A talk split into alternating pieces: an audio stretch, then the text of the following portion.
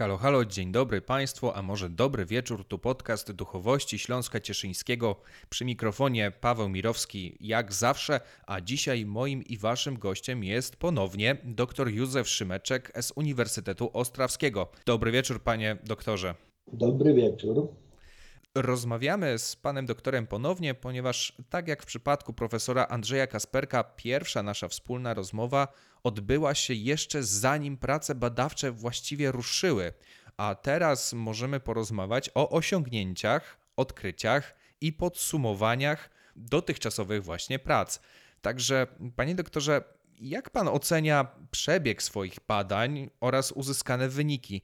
Tak dla przypomnienia, ponieważ pan chciał się zająć ruchem ezoterycznym po stronie czeskiej, a także ruchem narodowościowym podszytym spirytyzmem. Czy ten temat on się zachował przez całe te badania? Tak, te wytyczone cele badawcze zostały zachowane przez okres badań i nie zostały zmienione ani poszerzone, ponieważ okazało się, że są tak rozciągłe i bogate na źródła historyczne, że nie było trzeba tam jakichkolwiek zmian. Jakie są wyniki?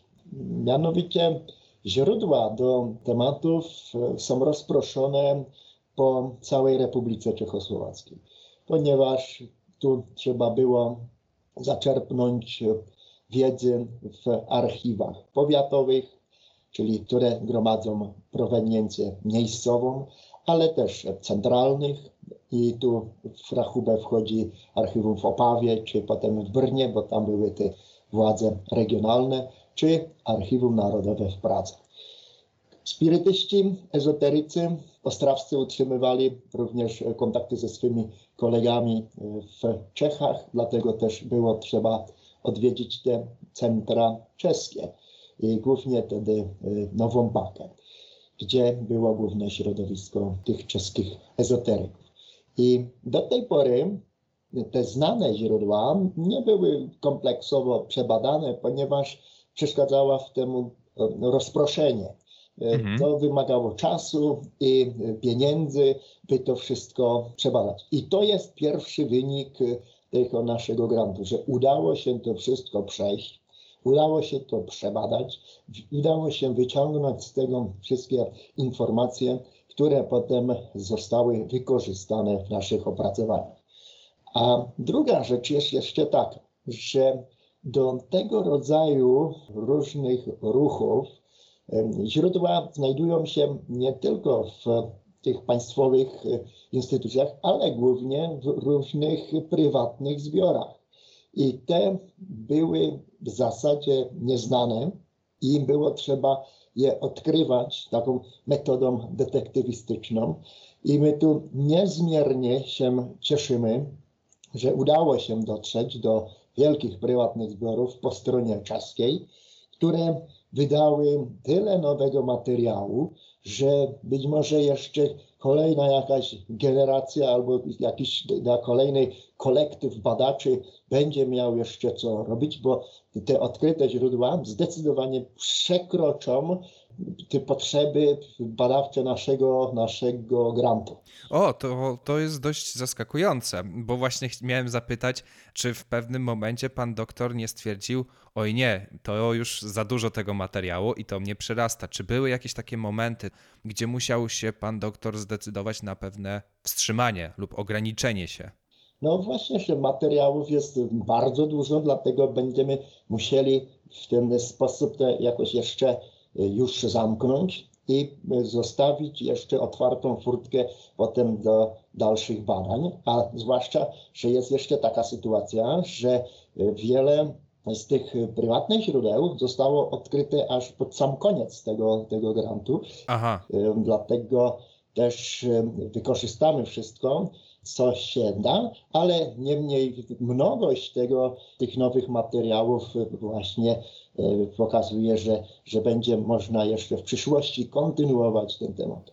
To w takim razie o jakich materiałach my mówimy? Czy to są korespondencje prywatne, to są dzienniki? Czy mógłby pan doktor coś powiedzieć więcej o tych nowo odkrytych materiałach? Z czym ma pan doktor do czynienia? Tak, e, głównie poszerzyliśmy swoją wiedzę o doświadczenie takie, że te ruchy ezoteryczne na ziemi cieszyńskiej po stronie czeskiej są jeszcze nadal żywe, że one Aha. chociaż już w o wiele mniejszą skalę chodzi, to jednak cały czas jacyś tacy ostatni ogrodnicy pamięci, żebym to tak poetycznie nazwał, stale jeszcze się tu u nas znajdują i w jakimś sensie e, kontynuują tę pamięć, czy też żywą wiedzę jeszcze jakąś ezoteryczną w takich małych grupkach. Bo ogólnie zakładano, że już powiedzmy w czasach 70. cały te, ten ruch się zakończył. I właśnie wśród takich jeszcze aktywnych środowisk w Nytku czy w Ostrawie zostało znalezione dzieła niektórych ezoteryków, głównie wtedy spisy Andrzeja Kajfosza, które uważane były za zaginione, ponieważ znane były z imienia. Pamięć o nich była, że takie jakieś rękopisy kiedyś miały miejsce. Były różne wyciągi z tych rę- rękopisów znane z artykułów albo z innych dzieł, ale teraz okazało się, że te zbiory są, że te rękopisy są zachowane i można tu w ramach grantuśmy je teraz już opracowali elektronicznie, tak by mogły one służyć dalszemu użytkowi. I chodzi wtedy o, głównie o, o dzieła Andrzeja Kajfosza i o, jest, to dzieło, jest to zbiór ogromny, bo to jest y, tak y, chyba około 5000 stron maszynopisu dzieł zebranych z lat 1933 aż 70. Czy mógłby pan doktor powiedzieć coś więcej o postaci Andrzeja Kajfosza? Bo skoro już padło to nazwisko, to musimy podrążyć ten temat.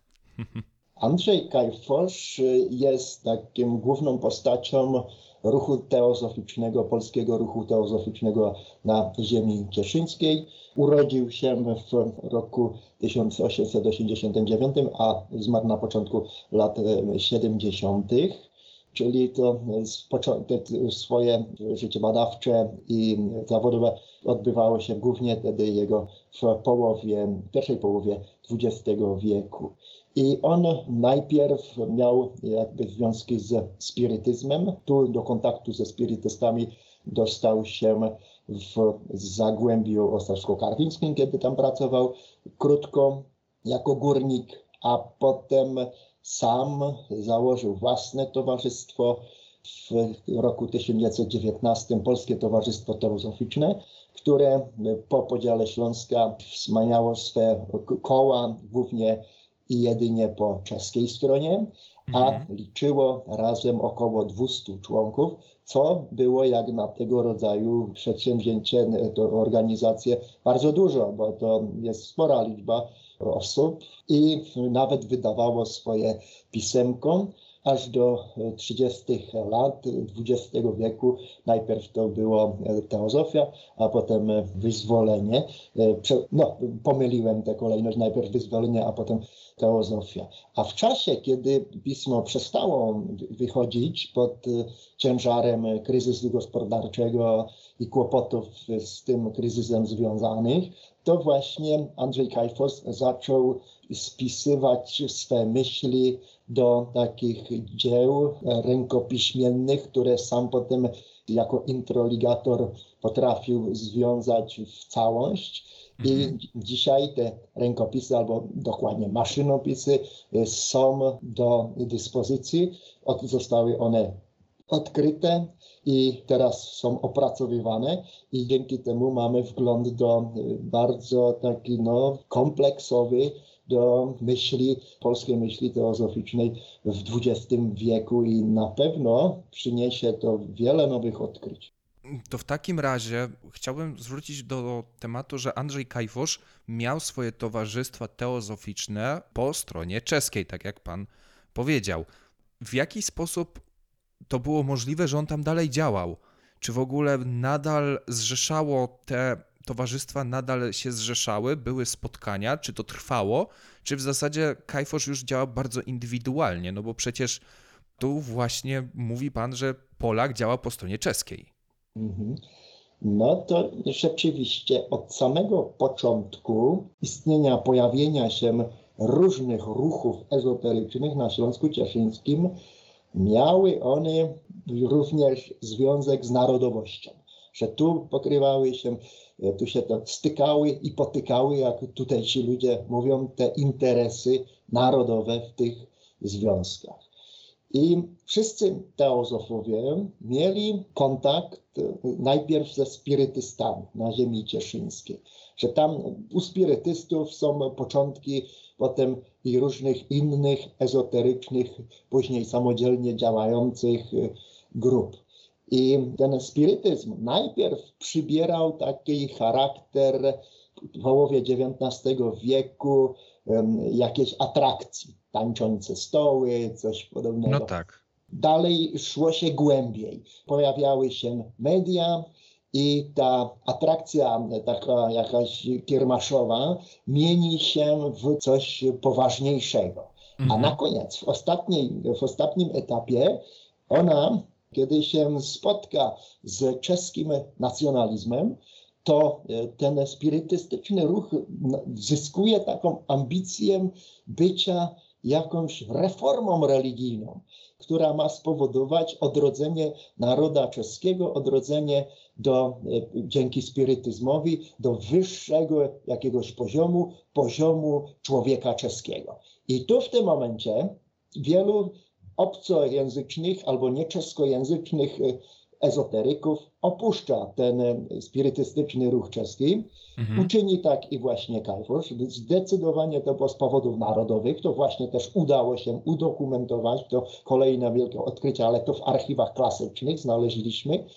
I ten powód narodowy jest przyczyną tego, że on zakłada w maju 1919 roku po ataku czeskim na ziemię cieszyńską, zakłada Polskie Towarzystwo Teozoficzne. Wtedy jeszcze nie było pewne, jak czesko-polski spór się zakończy, mhm. E, ponieważ ten będzie trwał jeszcze przeszło rok, bo rozstrzygnięty zostanie dopiero 28 lipca 1920 roku. Ale to już Kajfosz wydawa swoje pisemko i ma założoną polską ezoteryczną, czyli teozoficzną organizację. I kiedy się okaże, że to wszystko ma zostać po czeskiej stronie, bo on swe koła miało w Zagłębiu Ostrawsko-Karwińskim i kiedy się okaże, że ono całe ma zostać po czeskiej stronie, wtedy kontynuuje swoją działalność, zachowa, zachowuje swoją nazwę i z tym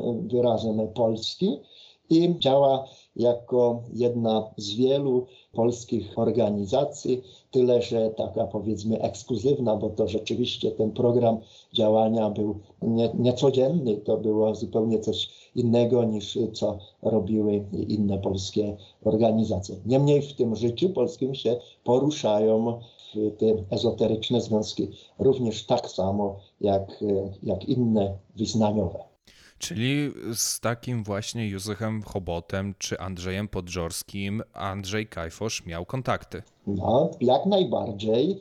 Utrzymywano te e, kontakty między, e, między ezoterykami po obu stronach Olzy, nawet po podziale Śląska Cieszyńskiego. Z tym, że trzeba przyznać, że z Andrzejem Podżorskim Andrzej Kajfiusz miał bardzo przyjazne stosunki. Mhm. Oni się, on, on go nawet Podżorski kształcił Kajfosza głównie w posługiwaniu się językiem polskim, w pracach redaktorskich, w tym mu pomagał.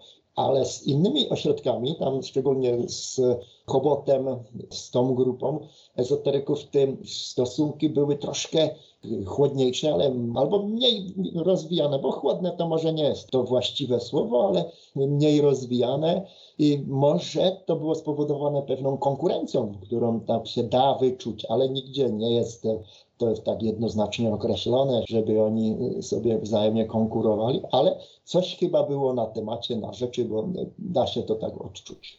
Mhm. Troszkę jestem zaskoczony. Ja się nie spodziewałem takiego obrotu spraw, natomiast jednak muszę wrócić też do tematów tych czeskich towarzystw spirytystycznych i też um, narodowych, ponieważ przy pierwszej rozmowie wspominał Pan o takich organizacjach jak Ruch Gwiazdy, Czeskie Braterstwo Spirytystyczne czy też Braterstwo Żywot. po tych pracach, co pan może powiedzieć więcej na ich temat? Czy to były te same formacje podobne właśnie do polskich organizacji, gdzie wątki mesjanistyczne, narodowościowe, odrodzenia w ogóle narodowego, czy nowej formacji duchowej też się pojawiały w, w tamtych towarzystwach? Czy one jednak miały jakiś swój, może niekoniecznie czeski, ale indywidualny wzorzec, nurt? Tak, e, czeskie towarzystwa spirytystyczne, braterstwie czy żywot, miały jak najbardziej bardzo narodowy charakter. Że one faktycznie swoich członków prowadziły w kierunku czesko-narodowym, że oni byli przekonani o tym, że właśnie ta nowa rzeczywistość, która się rodzi po rozpadu Austro-Węgier, będzie rzeczywistością czeską, a rzeczywistością wyższą, że to będzie jakiś czeski wyższy stopień rozwoju kulturalnego człowieczeństwa na Śląsku Cieszyńskim. I dlatego widzimy cały szereg właśnie takich wezwań do właśnie działań narodowych.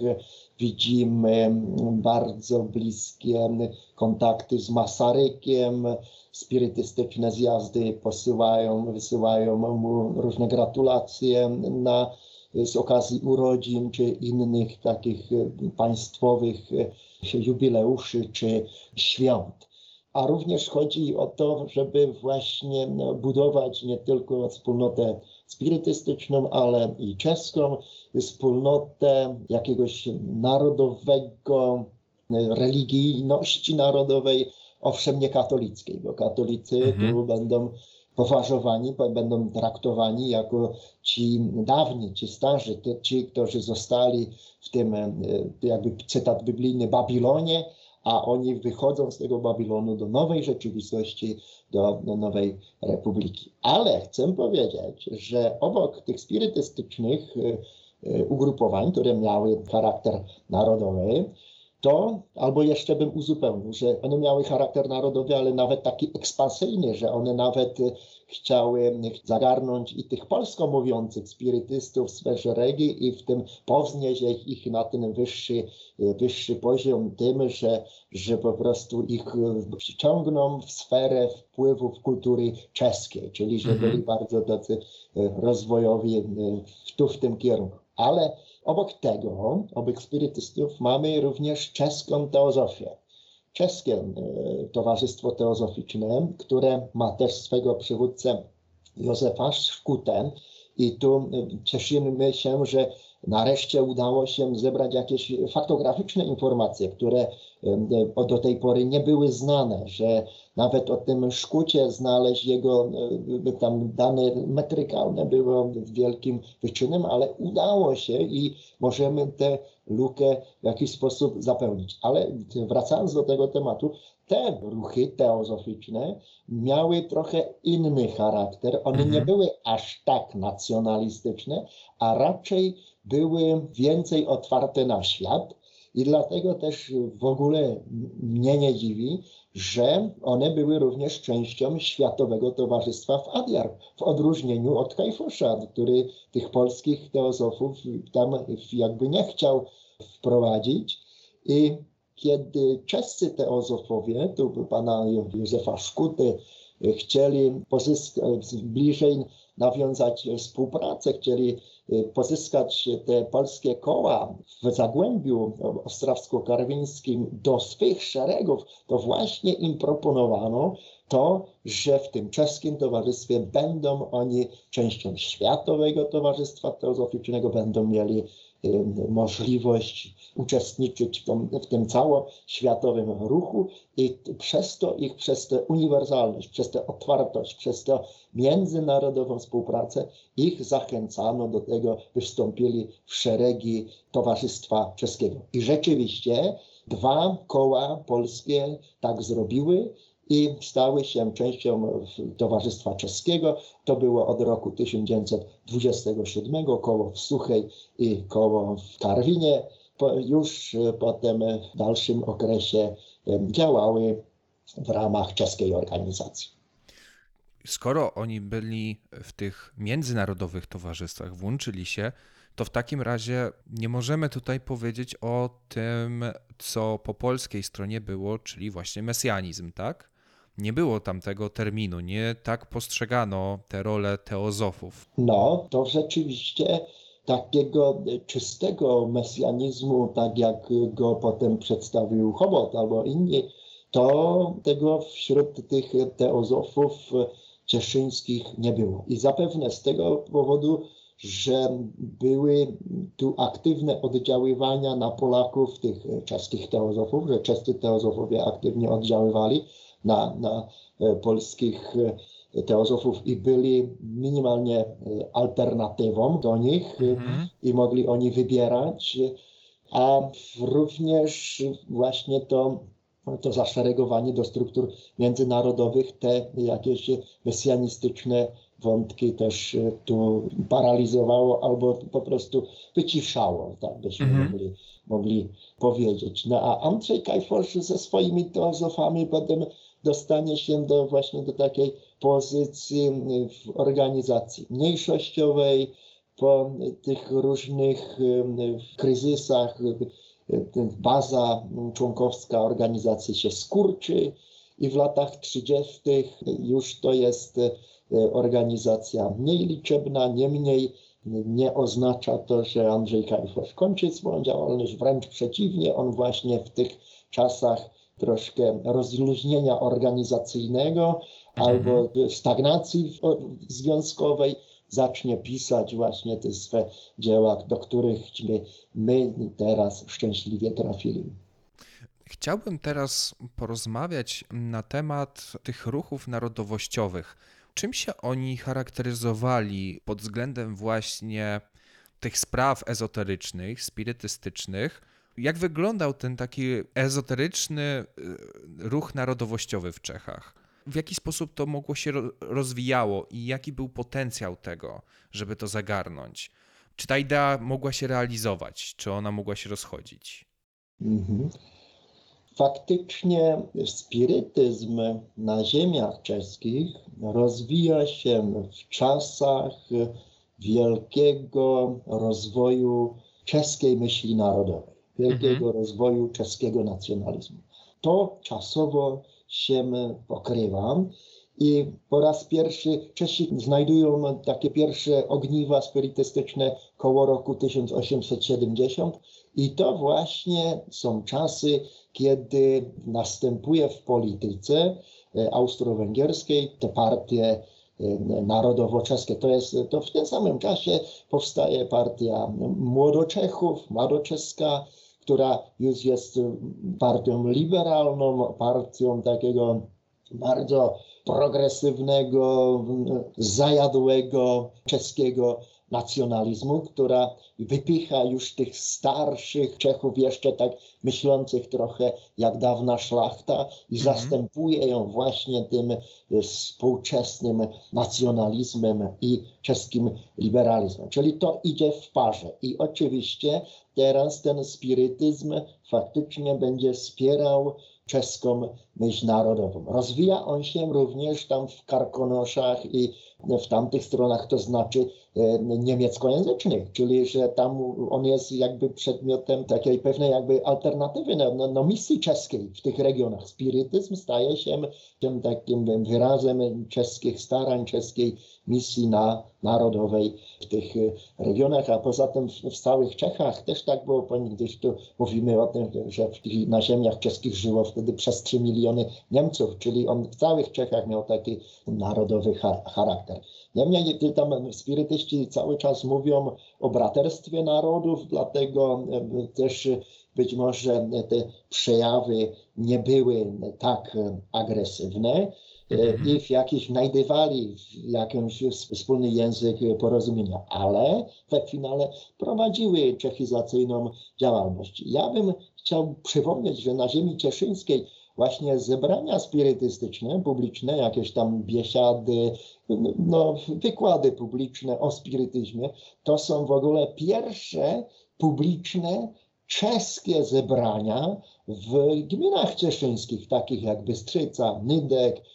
Tam w ogóle pierwsze publiczne słowa przed ludźmi czeskie ktoś właśnie wypowiada na tych spotkaniach spirytystycznych, czyli tam jakby y, oni wręcz ci spirytyści tam wchodzą jako pionierzy sprawy czeskiej do tych Mhm. polskich wiosek cieszyńskich. Czyli to miało ogromne znaczenie. A kiedy powstaje Republika Czechosłowacka wiążą się ogromne nadzieje do Masaryka, do jego, no jakby nie było przecież takiej powiedzmy antykościelnej postawy, to właśnie oni wspierają, tu znajdują się i czują wielką satysfakcję. I dzięki im, że oni przyczynili się do powstania Republiki Czechosłowackiej.